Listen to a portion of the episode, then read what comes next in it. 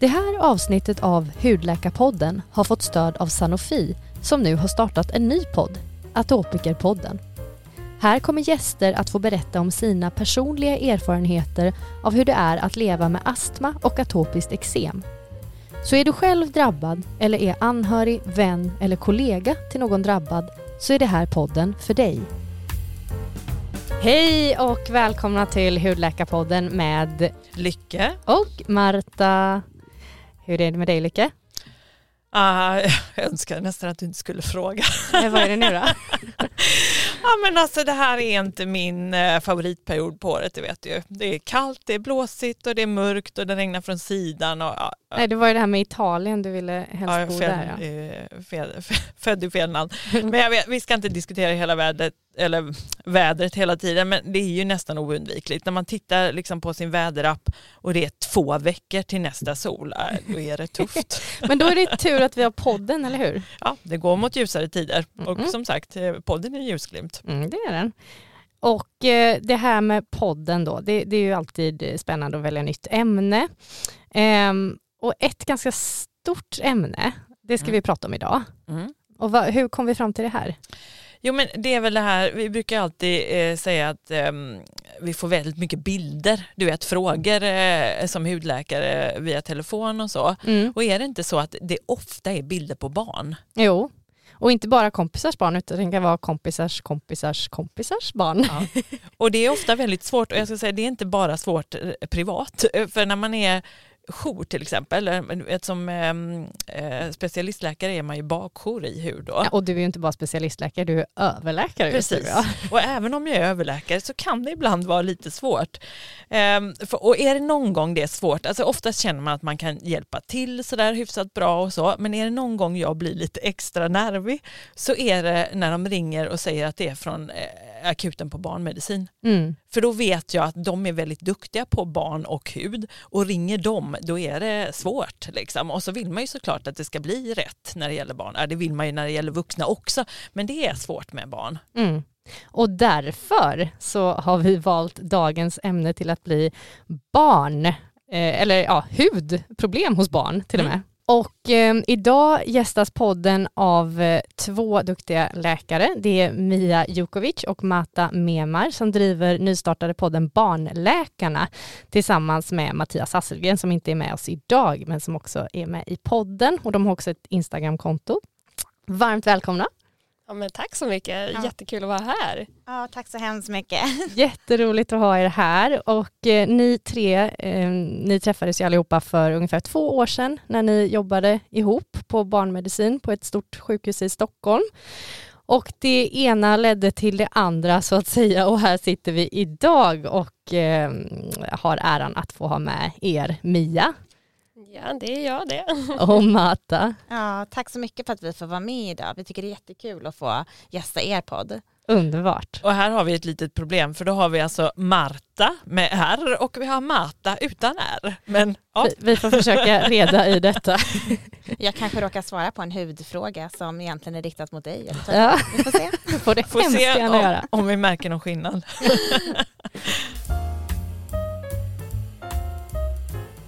ja, och vi har ju med er barnläkare ändå ganska många diagnoser som vi handlägger båda två, eller hur? Ja. Och en av de vanligaste eh, kan vi börja med, eh, Mia, och det är ju det här som vi kallar impetigo, men som också kallas av någon himla konstig anledning svinkopper. Och det är ju en av de vanligaste bakterieinfektionerna som förekommer hos- hos barn. Men varför kallas det svinkopper? Ja, det är en jättebra fråga. Och jag vet faktiskt inte varför det heter just svinkoppor för det smittar ju inte från svin till, till barn eller till vuxna heller eh, utan det är, en, det är en infektion som smittas människor emellan. Men vi, vi kallar ju det impetigo men sen i folkmun säger man ju svinkoppor. Just det. Mm. Och, och vet, du, vet du, jag är ju så eh, fascinerad av det här med ord. Vet du var impetigo kommer ifrån? Nej men Det är det, kanske du vet. Precis, det är alltid från antikens Grekland eller latinet och det här kommer faktiskt från latinet från ordet impetere. Ja, jag tror jag uttalar rätt. Och det betyder att rusa på eller att attackera. Okej. Mm. Ja. Men du, vad är det för någonting? Ja, det är, ju, det är en bakterieinfektion. Och eh, den eh, drabbas av en bakterie som heter stafylokocker. Det kan också drabbas av en bakterie som heter streptokocker, men vanligast är stafylokocker. Och det här är en infektion som bara drabbar huden, men den kommer i lite olika former beroende på hur gamla, gammalt barnet är. Vi brukar dela upp det i en krustös och en bullös eh, impetigo. Och den här krustösa, det är tror jag den som många känner igen och det är den här som drabbar oftast förskolebarn. Eh, och en bullösa, den, eh, den är inte lika vanlig men den drabbar oftast spädbarn. Men då måste jag bara bryta in eh, Mia.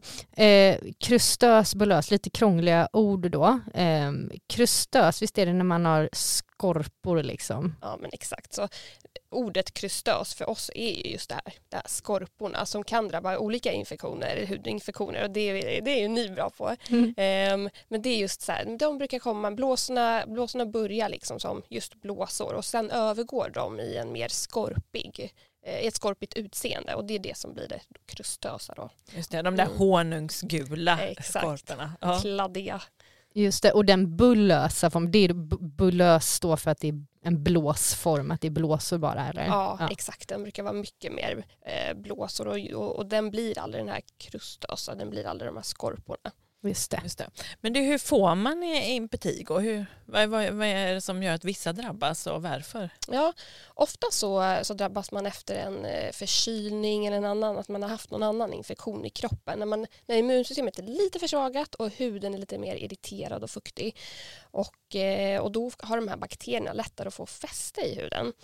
Och sen så börjar det liksom spridas oftast bland barn på förskolor. Främst för att de leker med varandra, de har nära hudkontakt och de tar i saker som leksaker innan de hinner liksom tvätta händerna. Du, men, där har jag också sett att det kallas sandlådesjukan. Exakt. Det måste ju vara därför. Ja, ja. ja. Men du, ehm, ja, det låter ju som att det är väldigt smittsamt. Och hur ska man nu tänka om det är så smittsamt? När kan barn vara tillbaka om de nu har drabbats av det här på förskolan eller skolan utan att riskera att smitta ner hela gänget? Ja, man smittar ju så länge man har blåsorna och så länge man har den här vätskan som kommer ut från blåsorna. Så det, det är liksom den, det smitt, den smittsamma fasen. Och när de väl börjar torka ut, det är då vi börjar säga att så här, ja, men nu, nu börjar det bli mindre smittsamt och då kan man börja gå tillbaka till förskolan.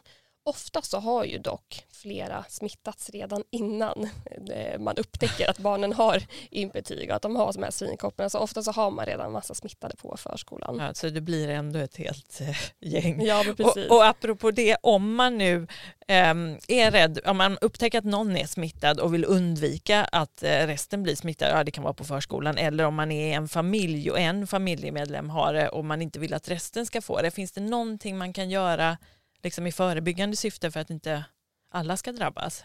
Ja, och det är det vi brukar trycka på extra mycket. Det är de här hygienråden, för de är A och O. Och man, det viktigaste är att tvätta både sina egna och barnets händer när man tar hand om det här. Det är, nummer ett är ju tvål och vatten. Mm. Och Sen så ska man ju såklart försöka att inte röra vid skorporna för mycket. Men man har ju lite olika lokalbehandlingar att tillgå och då, då, är, då, då får man ju röra såklart. Men sen är det bara viktigt att man tvättar händerna efter det. Och sen så har man det här klassiska att e, byta kläder varje dag, att, att barnet endast använder en egen handduk och har man de här utslagen i ansiktet. Då är det också viktigt att byta örngott varje dag. Just det, det låter som det blir en hel del ja. tvättande. Ja. Det är inte lätt det här. Um, nej, det är jättebra tips. Men det, och du menar också att man ska tvätta leksaker och gosedjur och sånt där också antar jag? Ja precis. Barn, ju mindre barnet är desto svårare är det ju för barnet att själv tänka på att tvätta händerna och det är klart att de tar ju på kroppen och sen tar de på andra saker och där är det också eh, viktigt att jobba förebyggande för att de själva inte ska eh, riva sig och sådär. Och så det, det här med naglar, det det får man tänka på också, för där, där är det viktigt att klippa ner naglarna så att inte de river sig och river upp de här blåsorna så att de inte får sår. Ännu värre. Mm. Jag tänker att det är ganska många som glömmer det här med att man kanske spritar av handtag mm. och sånt där. Så det, det är ju, ja. Om man, nu, om man nu lyckas bli smittad trots allt, hur vet, du då, hur vet jag då att det är impetigo? Ja, det brukar ju börja som små utslag och sen så utvecklas de till blåsor och sen till slut till den här formen med, med det här krustösa som vi pratade om. Ehm, och de här, de här utslagen de brukar oftast klia och svida och sen så kan det också bli rött runt om. Ehm, och det här glansiga, det, det brukar också vara lite typiskt för just impetigo, att det liksom är blåsor rött runt om och så ser man att det är lite glansigt. Just det. Och ibland tycker jag det eh, brukar vara så att om man inte vet riktigt vad det är, men vi väntar ut det lite så kanske det blir sådär lite krustös sen och så, eller hur? Att man, första anblicken så vet man inte men efter någon dag kan det då utveckla sig till att man, ja men nu ser det ut som impetigo. Ja eller? men exakt, det, ja. finns, det, är, det är det här med blåsor, det blåsor kan ju vara så himla mycket olika saker. Vi kommer ju ta upp lite olika former av blåsor men just det här krustösa, det, det, det är när det kommer, det är man ah, okay. det, det här är, det är svinkoppor. Och det här med, om man in, alltså, som läkare kan man ju också eh, få en, en liten hänvisning tänker jag om man nu misstänker att det är svinkoppor eller hur? För mm. då, då kan man ju ta en odling. Ja men exakt, ja. är vi osäkra då brukar vi göra det. Då tar vi en sån eh, en, en pinne och så tar vi lite av den här vätskan som är från blåsorna och så skickar vi det på analys och då kan vi se vad det är för bakterier som växer. Just det. Du, är det inte, och, för det här ställs, annars ställs man ju, ställer man ju den här diagnosen bara genom att titta på det. Eh, men man får väl också en liten, får man inte en vilt liten hänvisning av, de brukar sitta på vissa lokalisationer de här impetigo, eller svinkopporna. Ja men exakt, det är ju lite så. När, när barn kommer in med blåsor, då är det, dels kollar vi på utseendet på blåsorna. Ja. Hur ser de ut? Har de det här krystösa eller inte och sen tittar vi på vart finns blåsorna. Och just impetigo, det brukar ju vanligtvis vara faktiskt i ansiktet, framförallt runt munnen och runt näsan.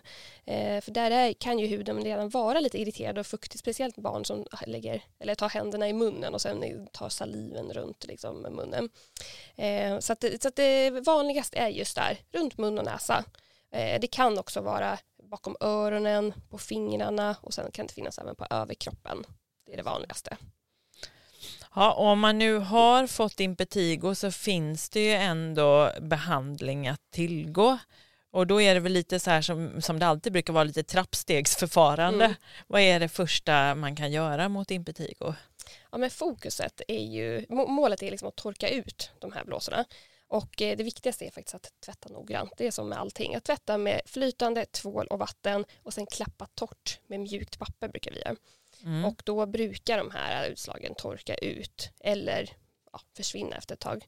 Men det, det, man också kan göra det är att ta bort de här, när det väl har kommit till det stadiet att det blivit skorpor, då kan man också försiktigt pilla bort de här skorporna genom att först lägga lite blött på så att det mjuknar upp och sen försiktigt liksom pilla bort dem. Det är ett bra tips för jag kan tänka mig att det gör väldigt ont annars att pilla bort skorpor så att mjuka upp dem det är väl eh, väldigt bra. Exakt. Och det kan ju också faktiskt bli så att det börjar blöda lite när man gör det här. Mm. Och det är ingen fara. Man får bara göra det lite mer, man får bara lägga på lite lite mer blött och sen skrapa lite lite mer försiktigt. Men det kan blöda så man, kan, man ska kanske vara beredd på det. Just det. Och sen kan man väl använda lite sån här lokal antiseptiska, alltså bakteriedödande medel, men jag kan ju tänka mig att det svider ganska mycket också. Ja, men det är ju precis det är liksom nästa steg. Att, eh, om det är så att man känner så här, ja nu har jag gjort med tvål och vatten, men det blir ändå inte riktigt bra, då kan man faktiskt badda med klorexidin som, eh, som är en bakteriedödande lösning som går att köpa på apoteket. Det finns ju också en eh, Alzolsprit på apoteket som många brukar använda för sår. Och då kan det ju vända, att det, liksom, det går tillbaka. Det är väl ändå, eh, när, när ska man tänka att men nu är det ändå dags att söka läkare för det här, för det här det funkar inte med min egenvård här hemma. Ja, men det brukar ta ungefär en vecka innan såren ja. har läkt helt efter att man har börjat med behandlingen. Eh, men man ska ju ändå titta på såren och eller på utslagen mm. varje dag och är det så att de börjar bli större och större eller att, eller att de liksom sprider sig mer och mer över ett större område då kan det vara, då kan det vara en idé att gå, gå till vårdcentralen och få en titt på det. Mm. Och vad gör de då egentligen? Ja, dels det här med odlingen och det. Men vad är det för behandling jag får för mitt barn eller för mig själv eh, som jag inte kan göra hemma? Mm. Många kopplar ju bakterieinfektioner med antibiotika men just i, just i det här fallet med impetigo, med svinkoppor, då går de ju över av sig själva. Men är det så att de eh, att de börjar sprida sig eller att man börjar se att det kommer var från det här, då kan det vara, då kan det vara dags att få antibiotika faktiskt. Mm. Eh, Du menar det vara- tabletter? Ja, Ja. precis, precis. Just mindre barn, de brukar ju få flytande lösning, en sån här mixtur. Ja, just det. Mm. Det kan vara svårt att få i dem och lukten och smaken och alltihopa. Ja. Men steget innan det brukar faktiskt vara, det finns även en lokal eh, bakteriedödande salva som man också kan använda. Eh, men det, det beror lite på hur stort är området, hur pass infekterat är det. Ska man börja med liksom en lokal eh, bakteriedödande salva eller ska man gå vidare till eh, antibiotika som man får dricka eller ta i tablettform? Just det, så det finns de här trappstegen då, egenvård där man tvättar själv med tvål och vatten, sen kanske tar det här bakteriedödande medlet och sen om inte det hjälper så blir det någon eh, lokalbehandling, antibiotika, salva, om sen det är väldigt utbrett eller det inte hjälper så blir det tabletter. Ja, Ja, det är fyra trappsteg. ja, Ja. ja, det låter ju väldigt besvärligt att få impetigo eller svinkoppor men det är ju inte egentligen någon, det är inte någon akut åkomma som man behöver åka till, till barnläkare på akuten, eller hur? Eller ser ni det här på akuten? Vi ser det ibland, men det är, det är vanligare att man går till en vårdcentral eller kanske en närakut i, om barnet är, om det är lite mer utbredda utslag. Men eh, de vi ser, de är oftast mycket svårare sjuka och de, eh, de, de brukar vara en annan typ av infektion kan man väl säga. Mm. Ehm, och det finns ju någonting som heter SSS, alltså, eller förlåt, SSSS. S4S ja. Och du, det är ju faktiskt det är ju en läskig åkomma. För är det någon gång ni faktiskt ringer till oss som hudläkare så är det när ni vill då diffa, när ni funderar på om det här är det här en impetigo eller är det en 4S. Och det blir ju alltid lite läskigt när man har tänkt tanken. Ja, exakt. För där går det ju fort. Ja, det går fort och den, eh, den tycker vi inte om att se. Den, eh, det är en, också en stafylokockinfektion som, eh, som impetigo men den brukar vara mycket mer utbredd och mycket mer aggressiv än just impetigo. Men vi ska väl å andra sidan inte eh, skrämma upp på något vis för att det är 4S är ändå en väldigt ovanlig åkomma, visst är det så? Det är Så, jätteovanligt. som min gamla handledare eh, brukade säga till mig när jag kom in och frågade efter de här konstiga diagnoserna. Lycka, om det klapprar i farstun så är det sällan en zebra utan det är oftast en häst som står där i så fall. Ja, men så, så brukar vi också tänka. Och, det, och vi tar ju inte upp det här för att skrämma upp någon utan det är mer för att man ska ha hört talas om det. Mm, mm, mm. Men du, om man har eh, impetigo då, eh, måste man veta vilken variant det rör sig om? Vi pratar om det här med kruströsa och den bulösa eller spelar det mindre roll? Det är liksom samma behandling oavsett, eller hur? Ja men precis och det är ju som jag nämnde där att eh, ofta så är det ju spädbarnen som har den här bulösa.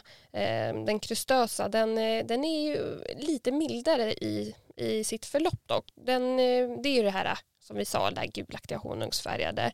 Och den, den bulösa den blir lite mer som eksemliknande utslag och de blåsorna spricker oftare. Just det, för det, Mm. det tycker jag är, är lite, oftast hinner man ju inte ens se blåsorna utan det ser ut som att det har varit en blåsa så man får nästan gissa sig till det. Ja, Ja men exakt, man ser liksom att det har flagrat, att det har öppnat upp sig.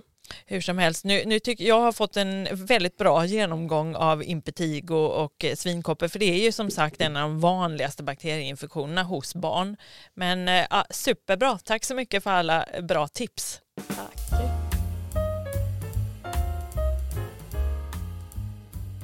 Tack så jättemycket för bra info om impetigo.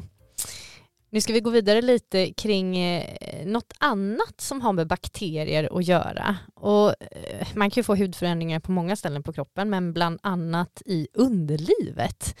Vad kan man få för bakterieproblem i underlivet om man är ett barn, Mata? Marta frågar Marta. Exakt. Ja men precis, vi får ha koll på vem som tilltalas här. ja men det är bra att vi kör på, att vi fortsätter med bakterietema tänker jag. Men just det här med underlivet, där kan man ju få något som heter snipp eller stjärtfluss beroende på var det sitter. Mhm. Vad är detta för något då? Ja, men det är också en hudinfektion som impetigo. Men den här eh, hudinfektionen den orsakas oftast av streptokocker grupp A. Och den sitter oftast runt ändtarmsöppningen eller i underlivet. Så egentligen så är det olika namn men det är ändå en och samma bakterie med lite olika beroende på var bakterien har satt sig. Och visst är det ganska vanligt att man får halsfluss av just den här bakterien också? Exakt, det är därför den heter snipp och stjärtfluss. Ja, exakt. Eh, och, sen, och sen är det väl så att man, det måste väl inte vara streptokocker grupp A som ger stjärtsnippfluss utan man kan väl också få det av typ en annan bakterie som heter hemophilus influenza eller lite andra bakterier. Det har jag läst mig till i alla fall. Mm, okay, ja. Men hur vet man att man har fått stjärtfluss eller snippfluss och, och, att det inte är något annat? För jag menar barn som har blöja på sig de kan ju ibland vara eh, liksom röda och det kan vara smetigt och det kan vara svampinfektioner och det kan vara liksom ganska mycket. Men hur vet man att det är stjärtfluss eller snippfluss? Ja, men det är faktiskt en väldigt klok fråga. För att eh, ibland kan det vara svårt för, oss också att veta vad det är. Och det kan ibland eh, misstas för att det är svamp eller att det faktiskt är svamp och man tror att det är snipp eller stjärtfluss. Men just det klassiska för snipp eller stjärtfluss det är att det brukar yttra sig som en välavgränsad rodnad runt det drabbade området. Och det kan också vara svullet och göra ont och så kan det klia också. Mm. Och sen så just vid stjärtfluss så brukar man också ha sår runt ändtarmsöppningen och vid snippfluss så får man också en ledtråd om att man kan få vaginala flytningar och då brukar föräldrarna reagera på att ens dotter har fått kladd i trosorna. Aha. Det här med ehm, sår kring ändtarms, ändtarmsöppningen, det låter ju väldigt eh, opraktiskt och eh, gör eh, ont, låter det som. Och jag tänker att det kan väl leda till att man blir lite förstoppad, att det blir en ond cirkel där, eller hur brukar ni se det någonsin? Ja, tyvärr. Alltså det är just för att det gör ont för att man kissar kan också göra ont mm. och att det gör ont när man bajsar så kan det leda till att barnen inte vill kissa eller bajsa och att de söker för det och sen så när vi inspekterar så ser vi att ja, de också har då en fluss där nere. Mm -hmm. okay, men det är ju helt klart något man önskar undvika detta. Men hur får man egentligen den här infektionen? Ja, som jag nämnde tidigare så får man det av den här gruppbakterien eh, som heter streptokocker grupp A. Och eh, som du också nämnde tidigare så kan det vara så att man har stött på någon som har halsfluss och sen har man fått det men det yttrar sig hos en själv då som snipp eller stjärtfluss. Mm. Eller så kan man själv ha haft halsfluss först och sen så får man snipp eller stjärtfluss. Och det, eh, det smittar genom droppsmitta. Så det kan bara vara att någon råkar hosta på en så mm. får man det på sig. Just det. Eh, och, och sen det här eh, svinkopper och impetigo pratade vi om förut. Mm. Eh, kan det vara så att en impetigo som är orsakad av streptokocker också leder till att man får en snipp och stjärtfluss? Ja, men jättebra att du nämner det, för så är det också. Att har man haft svinkoppor och så, så kliar man på sig själv och sen så tar man sig på ändtarmen eller vid snippan så kan man då få stjärt eller snippfluss.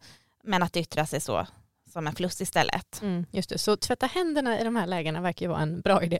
Alltid, oh. ja, verkligen. Men okej, eh, säg att man tror att man har snipp eller stjärtfluss då. Vad, vad, vad gör man på sjukhuset om man söker för för den här åkomman? Ja, oftast brukar man ju söka just för att de har reagerat på att barnet har vaginala flytningar eller att eh, barnet klagar på att det gör ont och sen så har de själva kanske tittat i skärten eller vid snippan och sett att det är väldigt runt. Eh, eh, eh rött menar jag, rätt runt omkring.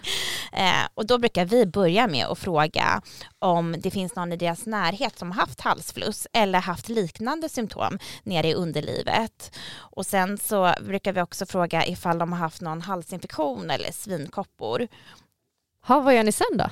Ja, men sen så brukar vi inspektera området, även där vi ser själva åkomman men också resten av huden för att leta efter infektioner eller sår. Och det gör vi dels för att se ifall man kanske har eksem eller svamp som kan vara orsaken men också ifall vi hittar svinkoppor. Sen så brukar vi också titta in i halsen för att kika om man möjligtvis har en bakterieinfektion där. Men ni tar inget test? Jo men det gör vi också. För att verkligen säkra diagnosen så brukar vi ta ett strep A-test på huden. Och är det positivt så har man alltså snipp eller stjärtfluss. Och det här testet, det är samma test som man tar när man vill säkra sig om att det rör sig om en bakteriell halsfluss i halsen. Och det är bara en bomullspinne som man testar med, eller hur? Exakt, exakt. Det får jag bara flika in här, för ni, ni pratar ju mycket om att det är barn som drabbas av detta och det ja. är väl vanligast hos barn. Men jag har faktiskt nyligen haft det hos en vuxen patient mm. eh, runt ändtarmen just. Så att det är väl någonting som man faktiskt kan tänka på att om man behandlar ett tillstånd som man kanske tror är svamp eller vad det nu är så, så, och det inte funkar så kan man tänka på detta även hos vuxna faktiskt och ta en odling. Absolut, jag tänker då kan man ju verkligen också passa på att fråga, har du barn eller har du någon i din eh, närhet som också har haft liknande åkomma för att se ifall det går en rundgång med den här infektionen bland alla. Mm. Och då måste jag också göra en hudkoppling. Eh, psoriasis är ett ämne som vi inte pratat om så mycket om än, men eh, vissa favoritämne. precis det är ju det, vi sitter och laddar på det här. Men det är ju, vissa former av psoriasis kan ju drivas av streptokockinfektioner och alltså halsfluss, men där ska man också tänka på stjärtfluss ibland. Mm. Om man har mm. en, den typen av psoriasis som, som man brukar blossa upp av infektioner, då ska man gärna titta i ändtarm, eller ja, runt ändtarmen också. Smart mm. tips. Mm. Mm. Ha, Okej, okay, men då har vi lärt oss mycket om stjärt och snippfluss. Eh, men eh, vad, vad, ska man egentligen göra då om man har stjärtfluss eller snippfluss? Ja, den bästa behandlingen är egentligen att bara lufta rumpan och snippan. Och eh, vi som läkare brukar rekommendera att man ska ha lös sittande byxor. Och eh, vill man använda underkläder ska de gärna vara i bomull. Eh, eller så skippar man underkläder helt tills flussen har försvunnit. Mm. Men har man ett yngre barn, det vill säga ett blöjbarn, då ska man bara låta området lufta så mycket som det går och också ha täta blöjbyten. Mm, just det. Eh, och det är ju oftast ni barnläkare som tar hand om de här barnen. Eh, men vi ser ju dem ibland och då är det väl när behandlingen inte riktigt har funkat och då kanske man får ta en titt och kolla att det inte är någonting annat som man har missat eller, eller sådär. Ja, och jag vill också bara tillägga att vi brukar ju behandla med antibiotika mm. för att få väck bakterien, för det är ju en bakterieåkomma. Um, så det ska man också ha med sig. Och sen så innan vi kontaktar er så brukar vi följa upp de här barnen genom att be föräldrarna att antingen ringa till oss ifall inte behandlingen blir bra mm. eller att vi ringer dem runt en vecka senare bara för att kolla, går det åt rätt håll eller inte? Mm. Och det måste jag säga, det är så mycket värt när doktorer gör så.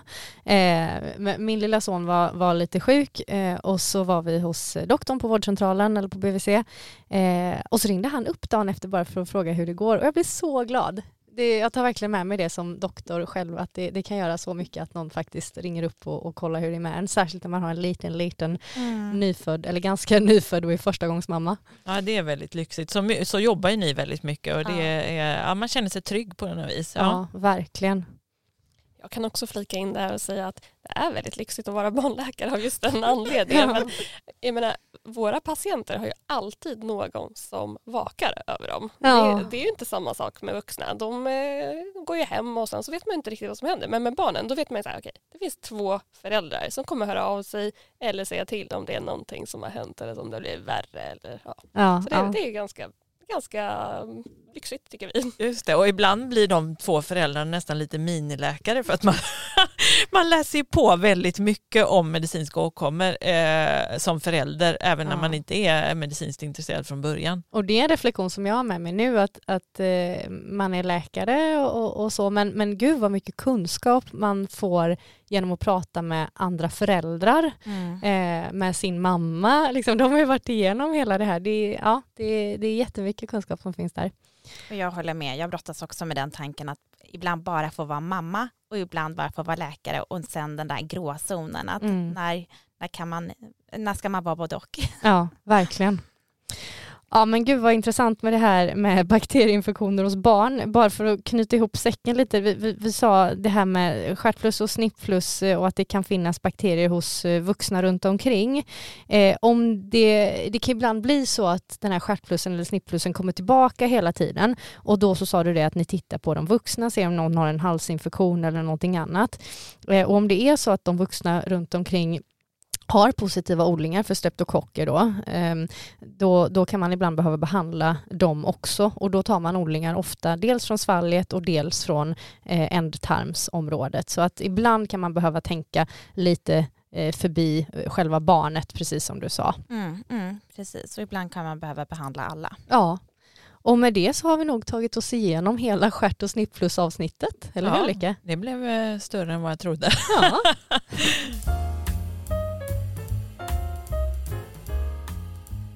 Och det var det hela för den här gången och vi vill eh, säga tusen tusen tack till Mia Jukovic och Mata Memar från Barnläkarna. Tusen tack att ni tog er tid och kom hit. Ja men tack själv, jätteroligt. Det här tänker jag att vi, det, det får vi göra om. Ja absolut, kanske redan om två veckor. Ja, helt spontant. Helt spontant. Ja, för ni kommer ju faktiskt tillbaka redan om två veckor. Nu pratar vi om bakterier. Nästa gång ska vi prata om vanliga virussjukdomar som många föräldrar frågar kring. Och det ska ju handla om vattkoppor och höstblåsor. Mm. Just det, det är två jätteintressanta ämnen. Mm, så det, det ser vi fram emot. Så får ni hälsa er, er tredje kompanjon Mattias så gott också. Ja, han ville verkligen vara med. Men Ja. eh, ibland eh, får vi inte ihop det. Ja, vi får träffa honom en annan gång Ja. helt enkelt. Ja. Ha, Lycke, Ja. vad händer nu då? Ja men du, jag ska faktiskt inte röra mig så långt härifrån. Jag ska gå till Svenska mässan på My Dog, hundmässan. Oj! Och vet du vad? Det är andra dagen i rad. Wow, vilken superhelg du har. Jag visste inte att du var en sån hundfantast. Ja, men eh, det är faktiskt inte jag utan det är en av mina söner som är mest hundfantast här och eh, sen börjar det här vanliga tjatet om att vi ska skaffa hund och så håller det på ett halvår efter hundmässan, det är samma rutin varje år. Så lägger det sig fram till nästa hundmässa. Ja, Då undrar jag lite stilla, varför försätter du dig i den situationen? ja, men man vill nöjda barn, nöjd vuxen. Ja, men jag tycker faktiskt också att det är lite roligt. Och vet du vad, jag lärde mig faktiskt massa grejer igår. Aha. Jag lärde mig till exempel att hundar blir också torra på vintern och behöver insmörjning med mjukgörande på tassarna. Nej, men, Visste du det? nej, det visste jag definitivt inte. Nej, det får kanske bli ett helt avsnitt om hundar och hundproblem. Hud, Ja, ja. hundar och hudproblem. Precis, vi tangerar ju biologin lite återkommande här i Hudläkarpodden så, så kanske hund och hud Ja, också, tema. eller också håller vi oss bara till människor. Jag tror det. Men det är en sak som jag bara måste säga som jag är väldigt stolt över som hände igår. Som Ja. jag måste bara berätta. Du vet att jag älskar tävlingar. Ja. Och jag vann faktiskt en tävling igår. Oj, oj, oj. Vad var detta för Undrar tävling? inte vilken. Jo, jo. Jo, ja, men det var inte den lättaste för ibland är det ju sådär att man bara ska svara på något lätt. Men det här var en anatomitävling och man skulle märka ut 18 anatomiska delar på hunden. Men det låter lite som att du har försprång där Lykke, du är ändå medicinskt utbildad läkare. Aha, men jag trodde att du skulle bli jätteimponerad för där fick jag liksom riktigt lägga ihop mina medicinska kunskaper tillsammans med mitt tidigare hästintresse. För och så blev det en hund. Ja, det blev en hund. Och, vet du, och sen, sen, sen var det roliga då att när vi var på väg hem så ringde de upp mig och sa du har vunnit anatomitävlingen. och, då, och då frågade jag hur många rätt hade jag? Du hade alla rätt. Och jag blev så himla stolt så att jag gick liksom bara skröt om det där hela eftermiddagen igår. Ja, Jag vann två biobiljetter. Wow! Applåd till dig. Ja, men det är, det är, du är bra på tävlingar. Du spenderar just en hotellnatt, eller hur? Det var Just också en det. tävlingsvinst. Men det var faktiskt eh, Lukas ho- hotellvinst. Men, alltså, vi har lite det där i familjen. Vi gillar tävlingar och ibland har vi tur. Det ligger i generna. Jag, jag åker gärna med på det tåget och vinner gärna något med dig. En hotellnatt kanske? Vem vet? Kanske. Mm. Ja, men eh, vi avslutar väl här för idag, Lycke. Det gör vi. Men som vanligt så finns vi ju på sociala medier. Kolla in Hudläkarpodden som vanligt, men nu också Barnläkarna. Missa inte dem. Ehm, Vi får kanske lägga upp lite tips och tricks där från dagens avsnitt. Det har Ja. varit mycket. Ja, det, tycker jag, det tycker jag. Och det var egentligen allt från Hudläkarpodden med Lycka. och Marta. Hej då! Hej då!